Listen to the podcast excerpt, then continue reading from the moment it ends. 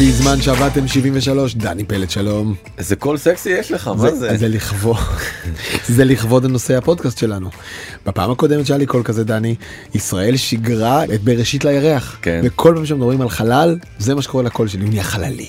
זה אפקט מיוחד אז אנחנו נדבר על חלל הפעם נכון הבטחנו פרק תחזיות אבל אמרנו רגע קרה משהו כל כך מעניין בחלל אנחנו דוחים את הפרק תחזיות לשבוע הבא ונותנים עכשיו פרק שיסדר אתכם לא לשנה הקרובה ליום שישי הקרוב לשיחת הסלון של כולם אתם תהיו הכוכבים. אתם תהיו הכוכבים של. שיחת הסלון.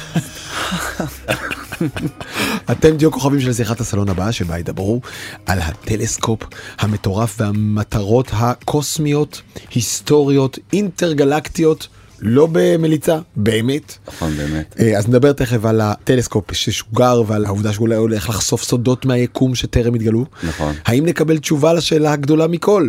האם יש חייזרים? האם יש חיים במקום אחר? האם איטי יבוא לבקר האם אותנו? הייתי קיים בכלל, כן. או שזה פשוט יספיק ל- לעזור לנו לבקר שם בעצמנו בכוכבים אחרים, גם על זה תכף נדבר, על עתיד האנושות בכוכב אחר. מולטי פלנטרי ספישיז כמו כן. שיש מי שקורא. הפורום הכלכלי ואילון מאסק. שמבטיח לנו כאלה הבטחות. מין רב כוכבי אבל קודם לאירוע שקרה בשבת האחרונה. 3, 2, unité. אתה שם לב לשפה? And we have engine start and Allumage liftoff. EAP, décollage. בדיוק אז אנחנו רואים את ה... את השיגור של הטיל מגיאנה הצרפתית שנסע על גביו את טלסקופ החלל ג'יימס ווב. בוא נתחיל לדבר עליו למה הוא כזה חשוב? ג'יימס ווב Space Telescope. זה אני חושב אולי ההישג הכי מרשים של האנושות בכל מה שקשור בחלל. עוד פעם זה עדיין לא קרה אז תכף נקדים את הדבר הזה אבל בעצם עד עכשיו היה לנו את טלסקופ האבל שגילה לנו הרבה מאוד דברים תכף נדבר ונרחיב והוא בסך הכל היה רחוק 600 קילומטר מכדור הארץ די קרוב ולעומתו ג'יימס ווב הולך להישלח מיליון וחצי קילומטר מכדור הארץ ובוא נסביר שנייה למה בכלל צריך לשלוח טלסקופ ומה בעצם המשמעות נלך טיפה אחורה בזמן. הטלסקופ הומצא ב-1608 על ידי שני אנשים, הנס ליפרשקי וזכיירס ג'נסן. איזה, זה קיירס. זכריאס יאנסן. כן, אוקיי, כן. יאנסן. הם שניהם היו בני אותה העיר. מידלבורג בהולנד. בהולנד והם שניהם טענו שהם המציאו את הטלסקופ ובעצם שניהם היו אופטומטריסטים זאת אומרת שניהם היו בעצם אה, כאלה שמרכיבים משקפיים מוקדמים. ובטח נשארו חברים הכי טובים עד הרגע האחרון. ברור ברור כן. ויאנסן אמר שבעצם הוא ראה שני ילדים משחקים עם שבשבת רוח ומסתכלים בין עדשות ומגדילים את השבשבת רוח. ומזה בא לו הרעיון הנפלא בעצם אה, אוקיי. לבנות את הטלסקופ. השמועה על המכשיר המופלא הזה פרסה כנפיים והגיע עד לאיטליה. שם בחור בשם גלילאו גלילי שנה אחר כך בלי שהוא ראה. מדהים. כי הרי לא היה אז אינטרנט ולא היה כלום רק שמע על הרעיון הזה מדהים. קונספטואלית. ושנה אחרי זה הציג באיטליה את הטלסקופ שלו ומיד הוכפל לו השכר על ידי הסנאט הוונציאני. ששם הוא היה מדען. כן, ששם הוא היה מדען ובעצם הוא קיבל אה, מין אה, קביעות לכל החיים זה די מצחיק שב-1609 גם כן היו עסוקים בכל כן, העניינים היה האלה. העסקה. רגע, ומה עם הפנסיה? יש בדיוק, הטבות? בדיוק, וקרן השתלמות. אנשים גם ככה מתו לפני הפנסיה, זה לא עניין אותם. כן בדיוק וב-1632 הוא כתב ספר שקראו לו דיאלוג בנוגע למערכות העולם. רציתי להגיד שהספר שוקל 420 קילו כי זה על אה, תבליות, אה, בדיוק. אבל זה לא נכון, כבר היה בטון. דף וכבר נכון. הדפיסו, כן. והספר הזה בעצם אה, נתן תצפיות של גלילאו גלילאו פתאום גילה דבר די מדהים וזה שכדור הארץ סובב סביב השמש. עכשיו הדבר הזה בעצם אותו טלסקופ שאותו המציא וקיבל בזכותו את ההכרה הגדולה ביותר כגדול האסטרונומים כנראה של כל הדורות.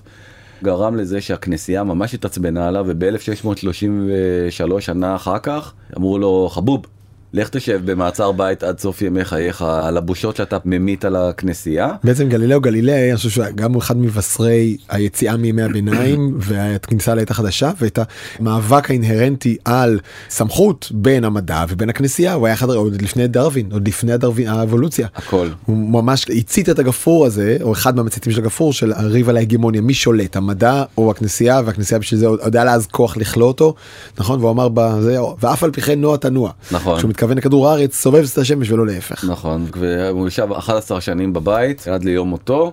ובעצם הטלסקופים האלה ששלחנו גם ההאבל וגם ג'יימס ווב עדיין משתמשים בדיוק באותו עיקרון אנחנו לוקחים שם זה עם מראות ולא עם עדשות בגלל שזה בחלל אבל בעצם העיקרון הוא אותו עיקרון בעצם התפקיד של העדשה עושה מראה ממקדת את האור דרך מראה אחת אה, ראשית המראה הראשית.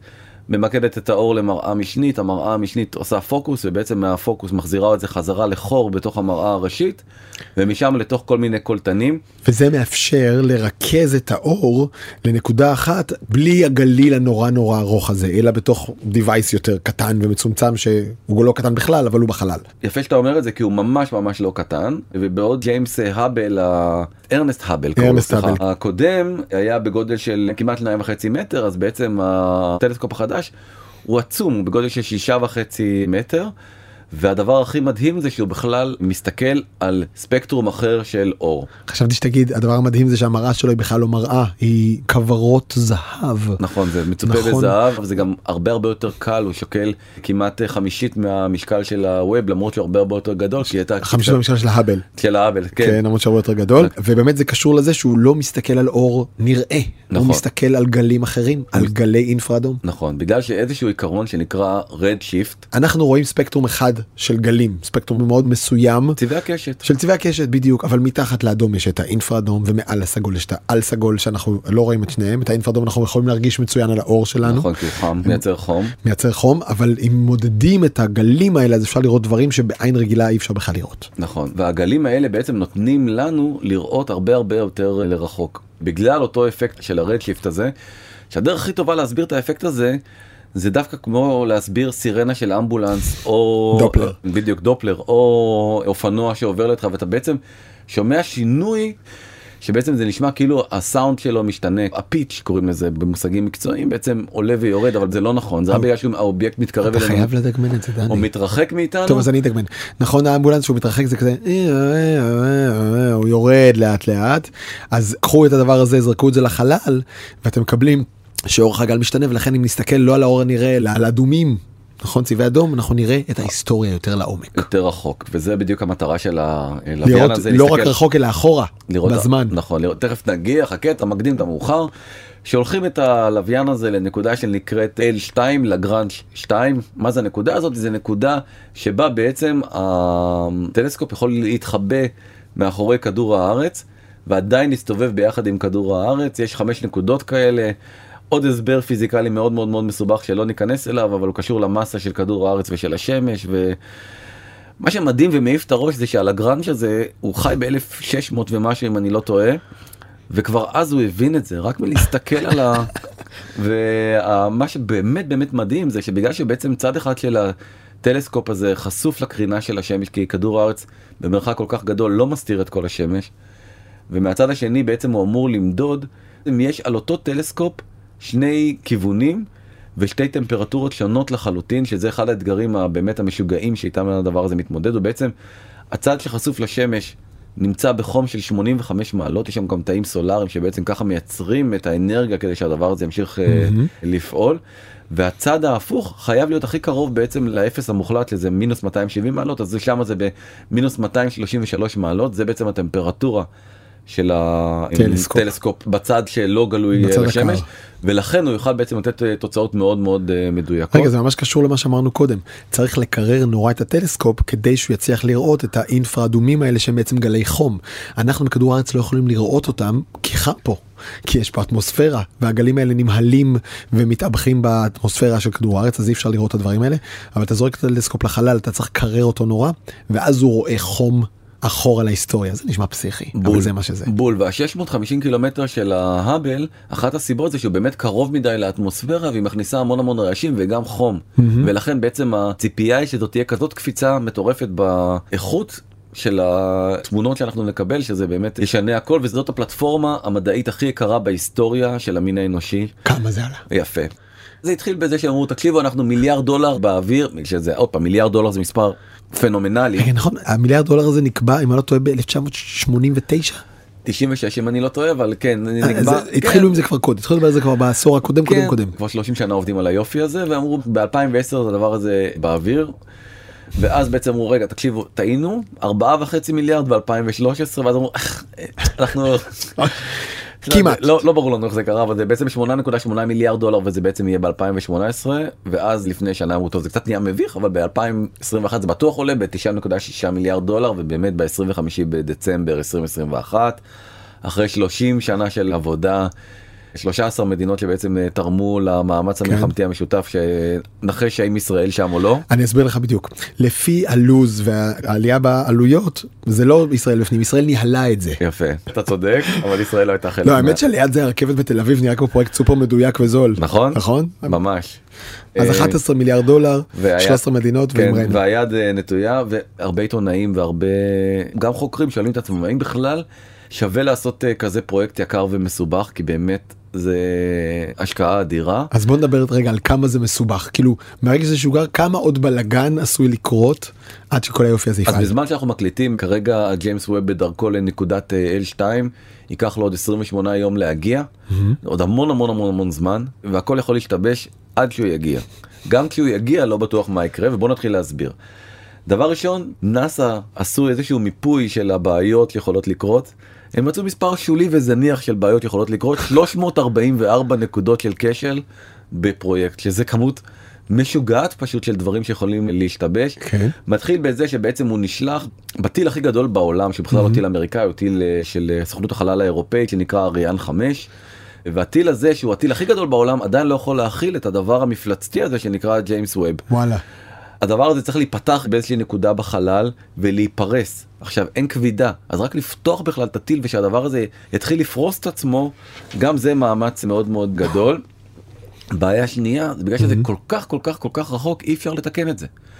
בהאבל הייתה בעיה של אחת העדשות וראו נורא נורא מטושטש. אז שלחו את האסטרונאוט אה, ג'פרי הופמן לחלל ב-93 ואמרו לו תקשיב בוא תיקח תעשה, את כן, המטלית הזאת ואת הספריי ותעשה קס- קס- ותנגב קצת. תנקה את העדשה, שיראו יותר טוב ובאמת זה שיפר בצורה משמעותית את התיקון הזה אז פה מה. שנשלח אי אפשר יהיה לתקן אותו ואי אפשר יהיה לשלוח לשם בני אדם והבעיה הנוספת היא בכלל בתחום האתי קוראים לטלסקופ הזה ג'יימס ווב. מי הוא ג'יימס ווב? ג'יימס ווב בעצם היה אחראי על תוכנית החלל האמריקאית אתה זוכר שהיה את המלחמה הקרה בין רוסיה לבין ארצות הברית. ואז החליט לו קנדי שהוא בעצם הולך להיות הראשון ששם את האסטרונאוט על החלל את ניל ארמסטרונג באז אולדרין ו... לא מייקל משנה. קולינס. בדיוק. אה, הג'יימס ווב הזה שגם כן איזה לוזר כאילו אתה יודע הוא פרש ב-68 וב-69 נחתה כאילו זה היה פשוט הגיע לגיל הפנסיה ואמר לא מושך עוד שנה לא יעזור כלום רוצה את הקרן נאמנות שלי. אז הוא לא היה שותף לנחיתה שלהם על החלל אבל הוא בעצם אה, הניח את התשתית כדי שהדבר הזה יקרה ואולי החשוב מכל הוא היה הומופוב. כן. אין לי אין כוח כוח, אין לדברים כוח, האלה, נכון, כן. אבל- אבל מצד שני גם אתה אומר עשה- וואלכ זה 68 הוא חקר בעינויים שם את אחד. כן, הכניס את ה-FBI כדי שיוציאו ממנו שהוא זה ואז הוא פיטר אותו ו... עכשיו יאללה אתה יודע השנה היא זה לא אכפת לו איך יקראו נכון הוא כבר לא איתנו. איתנו. זאת אומרת היה אפשר לבחור שם יותר טוב נאסא כאילו עמדה על הרגליים האחוריות. שזה ג'יימס לא, ווב? כן הוא שלנו זה יקראו לדבר הזה ג'יימס ווב ולפלטפורמה המדעית הכי כן. גדולה בהיסטוריה האנושית. קוראים על שם הומופוב בעייתי מאוד. אוקיי אז יאללה אז בוא נגיד שכבר עברנו אבל את כל המכשולים האלה וזה באמת נשלח לחלל.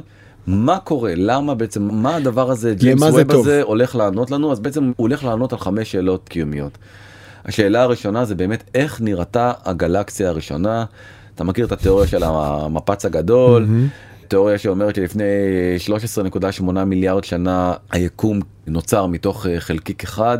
ובעצם הג'יימס ווב הזה בגלל שהוא יכול להסתכל דרך קרני אינפרה יוכל להגיע עד 50 מיליון שנה מהרגע שבו קרה המפץ הגדול וללמד אותנו הרבה מאוד דברים שלא הבנו על איך בעצם נוצר העולם הזה. זה קצת אה, מוזר להסתכל על זה ככה אבל זה בעצם המכונת זמן הכי משוכללת Yes. שהומצאה אנחנו באמת ממציאים פה מכונת זמן ואני אסביר למה אנחנו בעצם ממציאים מכונת זמן. תחשוב על זה שבעצם אנחנו עכשיו רחוקים מהשמש 150 מיליון קילומטר. מהירות האור הנתונה היא 300 אלף קילומטר בשנייה. זאת אומרת שאם עכשיו מישהו ייקח את היד וימשוך את החוט של השמש ויכבה אותה, בגלל שהשמש כל כך רחוקה ולאור עדיין לוקח זמן להגיע, יהיה לנו עדיין עוד 8 דקות ו-20 שניות, 500 שניות של אור עד שבעצם השמש אה, זה אומר. שכשאתם יוצאים החוצה ורואים את אור השמש אתם רואים את ההיסטוריה אתם רואים מה קרה לפני 8 דקות ו-20 שניות. נכון. עכשיו קחו את זה למיליוני שנים. בדיוק ואז אנחנו נוכל להסתכל עמוק עמוק עמוק עמוק עמוק לתוך ההיסטוריה ולהבין הרבה מאוד דברים שלא הבנו כמו למשל כן. לראות גלקסיות גם כן שלא יכולנו לראות אותם עוד פעם אנחנו אנחנו לא נראה אותם כמו שהם היום אנחנו נראה אותם כמו שהם היו לפני בדיוק. מאות אה, מיליוני אה, שנים. אין לך אפשרות לראות אותם כמו שהם היום, נכון. שזה לוקח אותנו מיליארדי שנים אחורה. נכון. האור שהגלקסיות האלה פולטות. מגיע לכאן עכשיו זה באמת מאפשר לראות גם אחורה וגם רחוק ואולי הכי מדהים זה שזה ממש מקרב אותנו לאחד הגבולות האמיתיים שבהם המדע פשוט נעצר נכון. שזה הביג בנג. אז אנחנו עדיין לא נבין עד הסוף את הביג בנד אנחנו נבין אותו הרבה הרבה הרבה יותר טוב אנחנו נבין למשל את אחת התעלומות הכי גדולות של בעצם היקום וזה כל העניין הזה של החורים השחורים ולמה הם נוצרים עד היום ראינו חור שחור אחד קטן. ועוד לא ראינו באמת את התהליכים האלה בפרספקטיבה של זמן ובאמת ההליכה הזאת אחורה תאפשר לנו להבין הרבה יותר טוב למה יש חורים שחורים במרכזי הגלקסיות נבין אתה מאמין לי שבא לי להיכנס לתוך קפסולה ולעוף דרך אחד כזה? וואי זה מת- אני אומר מה זה- קורה? מה יש זה- מעבר? אתה יודע זה כל מה שאנחנו שומעים בסטארטרק בתור ילדים בול. הולך בדיוק. לקרות והדבר הנוסף זה שבעצם נבין איך נוצרים כוכבים חדשים בתוך אה, שביל החלב שזה גם כן מאוד מאוד מאוד מאוד מעניין. ואולי אני מגיע עכשיו לשתי הנקודות הכי חשובות כן. והכי מעניינות עבורנו זה האם יש עוד כוכבים איפשהו שם בחלל שנראים כמו כדור הארץ. כן. למה אנחנו צריכים להבין את זה בדיוק בגלל מה שאמרתם אנחנו רוצים להתיישב במקומות אחרים אנחנו צריכים שיהיו תנאים כמה שיותר דומים לכדור הארץ כדי שבאמת נוכל וזה תחום שממש מצית את המדענים למצוא פלנטס, למצוא כוכבי לכת מחוץ למערכת השמש עם תנאים, נדמה לי שזה הכי מסעיר אותם, כאילו נכון. כוכבים זה- עם זה- אטמוספירה ואולי עם מים ואז אולי יש גם חיים. בדיוק ואם יש כוכב שהוא דומה לכדור הארץ אז יש סבירות גדולה שגם יהיו שם אה, חיים ואולי באמת אה, איטי אה, נמצא באיזה כוכב ומחפש איך להגיע אלינו. יש אה, גם איזשהו כוכב ספציפי שעליו הולכים אה, להתמקד והוא נקרא אירופה והוא בעצם ירח של אה, כוכב צדק של יופיטר ומי גילה אותו? גלילאו. גלילאו. ב-1610 גלילאו בגלל זה גם קרא לו אירופה כי הוא הסתכל עליו מאירופה. זה די מדהים שב-1610 הוא גילה את הירח הזה. לא, זה לא פייר דני. האטמוספירה עוד לא הייתה מזוהמת כמו היום. הוא ראה נקי, הוא ראה את כל הכוכב, אתה יודע, כמו שאנשים... לא היה מפעלים. בדיוק, אנשים נוסעים עכשיו לנגב או לכל מיני מקומות מטורפים רק בשביל לראות את אה, שמיים וכוכבים. הוא היה לו את זה מהבית. נכון וב-1990 באמצעות טלסקופים הרבה הרבה יותר מתקדמים פתאום גילו שעל הכוכב הזה אירופה יש מים. ואם יש מים אז אה, אתה יודע זה אולי האינדיקציה הכי טובה בעצם לזה שאולי יש שם חיים וב-2034 נאסא כבר מתכננת משלחת אנושית שתגיע לכוכב הזה למצוא האם באמת אפשר להתקיים בו. אבל מה עוד למה באמת הדבר הזה חשוב כי בעצם כל הקידום הזה של המדע גם מקדם מאוד את כדור הארץ אתה מכיר את כל המודעות המעצבנות ממש הזה של טכנולוגיית חלל במזרן שלך במקרר. מדענים של נאסא כן זה חומר שלא זה. אז פה זה באמת קורה אוקיי. ובעצם בגלל שהיה צריך לפתח טכנולוגיה של אה, דיוק ברמת המראות של אה, ננו מיקרונים פיתחו קרני לייזר הרבה הרבה הרבה יותר מדויקות ממה שפיתחו עד עכשיו. הקרני לייזר האלה אפשר להשתמש בהם לניתוחי עיניים. וואלה. ובעצם כבר יתחילו לעשות אה, ניתוחי עיניים שישפרו את הראייה שלנו כי זה בעצם מאוד מאוד דומה לטלסקופ טלסקופ זה עיניים בחלל אם אתם רוצים להסתכל על זה גם ככה. משמעית. אז זה דבר ראשון שבעצם כבר האנושות הרוויחה ייפתרו הרבה מאוד בעיות בתחום רפואת העיניים באמצעות אותו אה, טלסקופ גם אם הוא, הוא לא יגיע ליעדו. צריך להגיד אבל אם אתם רוצים אז יש רשימה ענקית של טכנולוגיות שפותחו בזכות המסעות לחלל בכל השנים. נכון. בידוד וזה וכל מלא מלא מלא דברים. אז זה עוד אחד מהם אוקיי. עיפרון אתה מכיר את הסיפור הזה? על כן שהוא שהוא רק שליש נכון אתה יודע. כן ברור זה סתם זה מצחיק אם למי שלא מכיר זה תגיד, היה- תגיד. אחד הסיפורים זה שבעצם חשבו איך יכתבו בחלל והאמריקאים אמרו אנחנו נמציא את דיו שבעצם אפשר כי העט את הזה הרי. צריך כבידה אם העט היה ככה הרבה זמן אתה צריך להפוך אותו ולנער אותו שהדיו ינזול נכון. ואז אמריקאים מתחילים משאבות בלאגן בתוך העט וזה. כן הרוסים אמרו בוא נכתוב בעיפרון. אבל הסיבה באמת הרבה יותר מעציבה זה שהדור החדש לא מתעניין בחלל. שאלו ב-2018 מחקר מאוד מאוד מפורסם ילדים מה אתם מעדיפים להיות אה, יוטיוברים או אסטרונאוטים? גם בארצות הברית וגם בבריטניה. מעדיפים בגדול להיות יוטיוברים בפער עצום כאילו מאשר להיות אסטרונאוטים. אסטרונאוטים זה בתחתית הרשימה אבל אה, בסין במקום הראשון זה להיות אה, אסטרונאוט כי שם באמת כנראה שמחנכים אותם לעניין הזה. עוד נתון מאוד מאוד מעניין שמוביל אותנו לחלק הבא האם הילדים יהיו מוכנים לגור באיזושהי קולוניה מרוחקת? ומה התשובה? חד משמעית כן 75% מהילדים הצעירים אומרים אנחנו אין לנו בעיה שים אותנו במאדים סבבה לנו. אני. יש שם פלייסטיישן? זה בדיוק עזוב לא לא אמרו להם שאין שם חמצן אין שם מים אין שם זה חם נורא קר נורא זה דבר אחד לא אמרו להם אין פלייסטיישן כן, אין. טיק טוק. ובמקרה ככה בהצטרפות מקרים באותו שבוע בדיוק אילון מאסק נבחר לאיש השנה של ה Time Magazine. והוא באמת נשאל הרבה על כל אה, אספירציות החלל שלו והוא אמר אני אופתע מאוד אם בתוך חמש שנים לא ננחת על המאדים. הוא לא אומר אני מבטיח, הוא לא אומר אני מעריך. הוא לא אומר אני אשלח אתכם אני לשם. כן, אני אופתע אני מאוד. אני אשב לי פה, כן. ואעשה פרצוף כזה. ממש מפתיע כל העניין הזה. רגע, בוא נזכיר רגע מה הוא עושה עם SpaceX. בדיוק ואז בעצם הוא התחייב שעד 2050 הוא הולך לבנות את המושבה הראשונה בעצם עיר שלמה. הוא קורא לה self sustained שתקיים את עצמה מהאנרגיה של עצמה. מים, ו- חקלאות, צריך הכל, לסגור כן. אותה בתוך איזה כיפה או משהו, לא? כן נכון. אי אפשר אה, להיות בחוץ. נכון אין שם חמצן. אין חמצן ויש אה, קרינה. אתה לא יכול אה, ללכת בחוץ, אתה צריך איזה משהו סגור. ובעד 2050 בעצם תהיה עיר וכמה תושבים יהיו בה? מיליון איש. עד 2050 יהיו בה מאדים לפי החזון של מר מאסק. כן. אוקיי. נראה לי שהוא בונה על זה שב-2050 we will forget about this. כן. נכון? על ההבטחה הזאת. כן, אוקיי. אגב, הוא, דרך הוא- אגב הוא כבר יהיה בן 79. אגב, הוא הבטיח שבשנה שעברה ייסעו בכבישים מיליון טסלות אוטונומיות. אני אומר שקודם כל יממש את ההבטחה שלו שהוא כבר דחה אותה למיליון מכונות אוטונומיות באמת. אז נדבר נכון. על מאדים. אוקיי. אה, הרבה מאוד עיתונאים וחוקרים כאילו מזלזלים מאוד באמירה הזאת שלו. תרשה לי להקריא את הכותרת. Mars is a hell hole. כן. זה האטלנטיקה המאוד מכובד.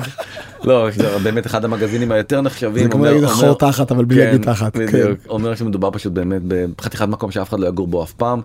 ממשלת שווייץ המדענים שלה מדי שנה colonizing the red planet is a ridiculous way to help humanity. עכשיו מה אומרים שוויצרים? אומרים אנחנו לעולם לא נגור לא על המאדים ולא על שום מקום אחר שאינו כדור הארץ זה מה שהחוקרים השוויצרים אומרים שהם גילו דרך אגב את החלקיק האלוהי זה התגלה בשוויץ אז הם מבינים איזה דבר אחד או שניים באסטרונומיה. לעומת זאת הפורום הכלכלי העולמי שאולי היה כמו שאמרתי זה הארגון הכי חשוב בעצם מבחינת הדעות והכיוון שכדור הארץ אה, הולך אליו כי הוא מאגד את כולם אומר אין לנו ברירה אלא למצוא עוד מקום לאכלס את תושבי כדור הארץ. רגע, ולמה? בוא- בוא נתענג על המילים האלה. Why the human race must become a multiplanetary species. מדוע המין האנושי חייב להפוך להיות, איך נקרא לזה, מין רב כוכבי. כן. איזה מין ביטוי מצחיק, יפה. נכון? הסיבה שבעצם אנחנו חייבים להגיע לעוד כוכבים זה כי בעצם הגרדיאן שם תאריך תפוגה לכדור הארץ של 2050. זאת אומרת 2050 פג תוקף כדור הארץ. להוציא. מהמקרר לזרוק כן, לפח. לזרוק לפח. והסיבה העיקרית היא כמובן אנחנו מדברים על זה כל הזמן ונדבר על זה לדעתי המון המון כן. המון בשנה הבאה. זה ההתחממות הגלובלית שכרגע נראית רק במגמה אחת. ואם לא נעשה משהו אז באמת אולי אפילו 2050 זה יהיה איזה חזון רחוק. אז אין לי אלא לסמוך על הבחור הזה, ללון מאסק. אז זה אילון מאסק פשוט מייצר כל כך הרבה התלהבות בקרב דור חדש של צעירים שגם רוצים לעשות כסף כי הם לא רוצים לעבוד כמו שדיברנו בפרק הקודם והם המציאו מטבע חדש שנקרא מרס והמטבע הזה בגלל אותו ציטוט של זה 50% עלה בשנה האחרונה באמת העולם פשוט דפוק ויורד מהפסים ואין לי יותר מה להגיד על הדבר הזה. כלומר, זה זה לא המטבע שאיתו ישלמו במאדים. ממש לא, סתם המצאה של גיקים שעפים על אילון מאסק על כל מה שהוא אומר. הוא אמר שאנחנו נהיה במאדים אז הוא אמר בוא בוא נקרא למטבע מאדים כן. זה כבר יצליח זה. ולכן זה עובד. ואני רוצה לסיים בשתי עובדות אה, בונוס מטורפות. כן. אחת שכנראה לא נכונה אבל אה, עדיין מאוד מאוד מעניינת זאת אומרת עוד פעם הרבה מאוד שנים זה אפילו כתוב בוויקיפדיה. הציטוט של איינשטיין שאמר שהקבוע הקוסמולוגיה הייתה הטעות הגדולה ביותר של חיי. לא בטוח שהוא אמר את זה בסוף. רגע, פותחים עכשיו 20 דקות של הסבר פיזיקלי, דני? לא לא לא ממש לא נעשה את זה הכי בקטנה כי אני לא באמת יודע להסביר אבל אחת אחת מהתיאוריות שלו בעצם להסביר את היקום היה בה איזשהו סתירה שבעצם המשוואה שלו לא עבדה למה היא לא עבדה כי הוא חשב שהיקום הגודל שלו קבוע. וכל הנוסחאות שלו פשוט לא הסתדרו עם הדבר הזה ואז הוא הכניס איזשהו משתנה שהוא קרא לו למדה או הקבוע הקוסמולוגי שניסה בעצם להסביר למה המשוואה שלו מתקיימת. ואז בא בחור אחר שקוראים לו ארנסט האבל על שמו אותו טלסקופ שעכשיו דיברנו עליו וארנסט האבל אמר לו תקשיב אני מסתכל פה על הכוכבים דרך הטלסקופ הם זזים לי. הם זזים היקום מתפשט. הוא קרא לאלברט איינשטיין אליו ואיינשטיין הסתכל בטלסקופ והשתכנע שבאמת הוא טעה. הוא הסיר את הקבוע הקוסמולוגי מהמשוואה והמשוואה כאילו כן הייתה נכונה. זה סיפור כל כך כל כך כל כך מדהים כי באמת זה מראה איך אתה יודע החברותה הזאת וההפריה ההדדית הזאת היא פשוט כל כך מעצימה. בגמרא אומרים אה, קנאת אה, סופרים תרבה חוכמה. כן. אה, זה לא קנאה באמת זה כאילו ההפריה ההדדית הכוונה בכלל בדבר הזה. זה לזה שבעצם חוקר לוקח איזשהו משהו שעשית ומביא את זה עוד שלב אחד קדימה. כן. ו- אני רואה בזה את גדולת הנפש של איינשטיין, המדען שבו היה יותר גדול מהאגואיסט שבו, וכשהוא ראה שעובדות סותרות את מה שהוא עצמו אמר, הוא אמר, טעיתי. איינשטיין אמר טעיתי. שזה דבר שאנשים נמוכים מאיינשטיין ב-19 אלף מיליון טריליון דרגות לא מסוגלים להגיד גם כשאומרים עובדות מול הפרצוף. שומעים? מתנגדי חיסונים, נדבר אליכם כרגע. אוקיי, תמשיך. סבבה. והעובדה השנייה, העוד יותר מעניינת, זה שבעצם אנחנו מדברים כל הזמן פה על המפץ הגדול, על החלקיק האלוהי. בחור בלגי בשם ז'ורג' למטר, שהוא היה כומר. הוא בעצם המציא את תיאוריית המפץ הגדול, הוא לא קרא לזה מפץ גדול, קרא לזה מישהו אחר שהתנגד לתיאוריה הזאת, כמו מתנגדי חיסונים, אז כן. הם המציאו את השם מהמפץ הגדול, הוא קרא לזה החלקיק האטום הראשוני, והוא המציא את התיאוריה הזאת שכולם אימצו אותה, שאני אומר כולם, זה אפילו כולל את האפיפיור. עוד פעם אנחנו חוזרים חזרה לגלילאו גלילי והכל פה מתחבר והכל Yes. נקשר והכל uh, מתחבר. פיוס ה-12 שיש איתו גם עניינים עכשיו של אה, האם הוא היה מכחיש שואה או לא היה מכחיש שואה ב-1951 אמר שבעצם התיאוריה של המפץ הגדול היא הגיונית לגמרי כי בעצם מה גרם למפץ הגדול בדיוק. ברגע שהמדע נעצר בחריקת בלמים ואומר לא יודע להסביר, מגיע לאפיפיור ואומר, שומעים? אני יודע להסביר. נכון. וגם יהודי וכומר כאילו מקדמים ביחד את האנושות זה גם אה, כן אה, תמונה יפה. זה נכון כן. זה ממש ממש מרגש באמת וזה רגע זה איינשטיין ולמטר הזה ביחד כן. כן זה מה שראיתי טוב אם אה, אהבתם את פרק הפודקאסט המיוחד שלנו אז א' אתם מוזמנים לספר לחברים שלכם על הפודקאסט שלנו שבשבוע הבא יחזור להיות יחסית רגיל למרות שנעשה את התחזיות. כן אני מקווה אה, שנעשה תחזיות לפה. אני מקווה שנעשה תחזיות. לכם לדרג אותנו ויש נכון. בספוטיפיי יוסיפו פתאום דירוג. אז זה? אותנו. וגם באפל אתם מוזמנים לדרג אותנו אם בא לכם. אנחנו בזמן שעבדתם מקבלים בשמחה הערות תוספות הצעות לתיקונים ואת התחזיות שלכם למייל בזמן at קשת מינוס TV dot com כן קיבלתי מכם כבר כמה מוזמנים לשלוח עוד ולוואטסאפ 0376760012 אפשר לשמוע אותנו באפל פודקאסט בספוטיפיי וכולי שם אפשר לדרג אותנו אנחנו גם בנקסטר בקשת במאקו TV וכולי וכולי וכולי נגיד תודה לאפרת מירון העורכת ולמפיקה נטע ספילמן ולמוטי יוננה ותומר וולף על הסיוע הטכני ולחברים בנקסטר זוהר צלח ניצן כרמלי ודנה גוטרזון דני פלד תודה רבה. תודה רבה דרור, תרגיש טוב.